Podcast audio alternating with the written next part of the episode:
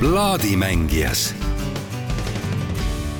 kes koolis käib, saab targaks. kes tehnikumi läheb, kas see saab veel targemaks? muidugi ja ülikoolis saab veel targemaks. millal siis veel? millised kuldsed sõnad ja tõepoolest, mida muud oskakski selle plaadi kohta öelda, Buratino lood ja Ahto Külvet jääb meile täna nendest lähemalt rääkida. tere, Ahto! tere, tore, et tulite. No kui nüüd võtta ette laste muusikaplaadid, kas seda võib nimetada lasteplaadiks või, või pigem mitte või? no ta on ikka tehtud nagu lasteplaadina, aga seal on nagu oma sihuke kiiks juures, et ma just olen alati vaadanud, et kui neid plaate nagu müüakse, et kuidas seda keegi kirjeldanud on. ja siis äh, Soome ühes plaadipoes on see müügis sellise kirjeldusega, et see on Killer Unknown Estonian Psych Funk Seven Inch EP ehk siis nagu sihuke tapja biidiga tundmatu Eesti psühhedeelse fungi sihuke nagu pärl onju. ja siis, äh, kui sa hakkad mõtlema, siis et kuule, aga ongi ju, et kuula seda lugu, et see ei ole ju nagu, tähendab, et ta võib olla ka lastelugu samal ajal, onju, aga samas ta ongi täiesti psühhedeelne funklugu.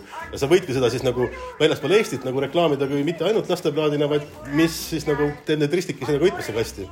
see iseenesest on ju päris ammu välja antud, see ei ole nüüd värske plaat. see on seitsmekümne kuuenda aasta plaat jah, et selles mõttes seda peaaegu viis aastat tagasi, eks ju, et ta on väga hästi nagu siiani välja vedanud ja noh, seal on pikk lugu juures, et see Buratino ju tegelikult oli nõukaajal selline võib-olla kõige kuulsam ühemehe teater, et Ferdinand Väike, kes siis selle Buratino isa ja looja on, kes oli ühtlasi ka Eesti Nukuteatri looja, tema siis nagu teeb seda häält siin ja räägib seda. ja see oli ka, ma just kuulasin üle, siin oli põnev lugu sellest, et see hääl, eks ju, nagu krääksuv hääl, et kust see tuleb, eks ju.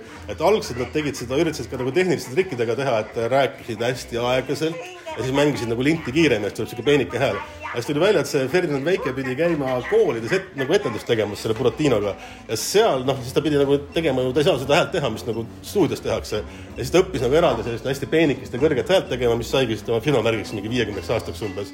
ja noh, Buratino, no jälle see on just, et kui ta ütleme, seitsekümmend kuus tuli plaat välja, onju, aga viiekümne kas teisel või neljandal aastal tulid esimesed Buratino etendused, et see on tegelikult mitu põlvkonda, kes on selle Buratinoga nagu üles kasvanud. aga noh, see nukk oli kuulus, nukuga oli ka mingi eraldi teema oli see, et ta, ta oli vist kümme nukku andnud ja viimased nagu varastati ära, et ta oli tohutult nagu noh, see oli imelik see üheksakümnendate algus, kus kõik hästi paha asju juhtus ja siis varastati nagu see nukk ära tal autost, see täielik nagu noh, see on umbes nagu ma ei tea, mingisugune vapiloom oleks ära varastatud, no kõige olulisem tegelane, ei saanudki seda kunagi tagasi. see on nagu niisugune natuke kurb ja skandaalne. ja mul on isiklik ka puutumus sellega natuke, ma olen käinud Ferdinand Väike korteris Tallinnas Pärnu maantee kakskümmend seitse, see nurga peal, kus on Reval Cafe, niisugune nagu kaart, kaarjate akendega korter oli. Ja tal oli kodus oli lava.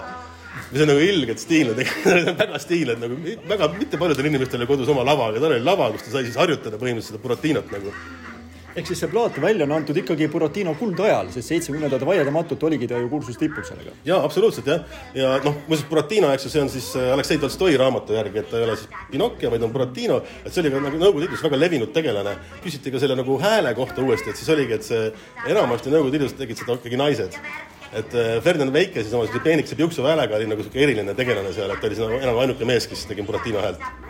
Buratino lood üks on selle albumi kaanel, tuli neid hiljem siis veel või? väga hea tähelepanek, ei tulnud, nagu ikka Nõukogude Liidus oli tihtipeale selliseid number ühega plaate, ei ole olemas nagu, nagu teist osa sellest, et see ongi see. ja see lugu, mis siis jah taustaks või mida me pärast kuuleme, on ka, on see naerulaul, mis on täis selliseid õpetussõnu, kus siis koolis peab käima, korralikult käituma, niisugust täiesti hullu naeru, onju kui sa praegu mõnel peol selle plaadi käima paneksid või paned, mis reaktsioonid sellele?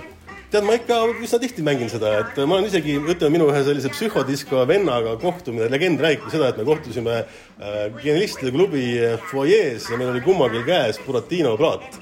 Ja siis noh, taevasse moostus sõna psühhodisko ja siis me saime aru, et me oleme nagu noh, selles muusikas ühed, et mingi seltskond nagu väga hindab ja austab seda. ta on natuke raske muidugi mängida, et sa pead nagu natuke valima seda, et võib-olla iga niisugusel viiekümnendal juubelil võib-olla ei pane peale, aga teisipidi võib-olla paned, sest kõik tegelikult teavad seda lugu samas võib-olla mõjub ka natukene raskemalt, et ütleme, kuigi Entel Tentel tuli juba umbes samal ajal välja, siis need ei ole tegelikult võrreldavad plaadid näiteks Entel Tentile või teiste lastelauludega. no ei ole jah, sest et tegelikult see Buratino plaat on tehtud mitte nagu muusika, ta on ikkagi nagu selle nukuga seotud ja selle, see kogu see legend ja see maailm, mis selle ümber käib, see on ikkagi etendus alati, kui ta käis ringi ja igal pool üle maailma tegelikult ka ju mitte ainult nagu, nagu Eestis aga jah, et see on, ta on jah, selles mõttes teistmoodi plaat, et ei ole päris nagu ainult muusikaplaat, et siin on see lugu juures ja aga noh, kujuta nüüd ennast näiteks mingi väikse jaapanlasena või, või ma ei tea, islandlasena, sa saad sellise plaadi, kus on peal selline nuku kuju ja sa kuuled sellist nagu tundmatus keeles mingit nagu ikka täiesti pöörane. Ja nii lahe ja nii põnev samas, et sa tahaks nagu aru saada, mida seal räägitakse ja seda plaati saab ka veel kuskilt või?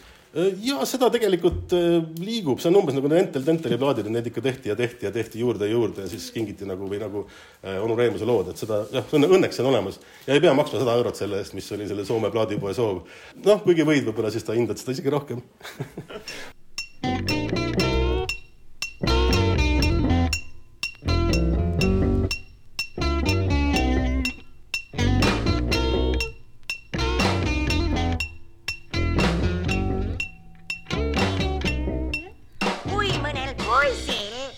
tuju täbar, tal nina norus, on terve nädal, oi, oi, oi, oi, oi.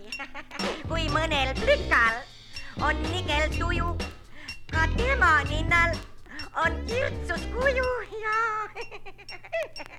kui Buratinal on mure hingel, ta nina kõver on justkui kringel. Kui aga ninal on kringlikuju, see naerma ajab ja tõstab tuju.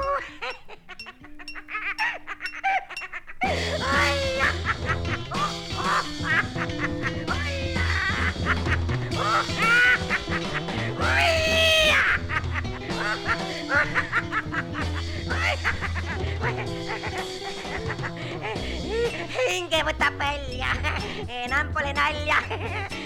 Puhkan, puhkan ja hakkan jälleen.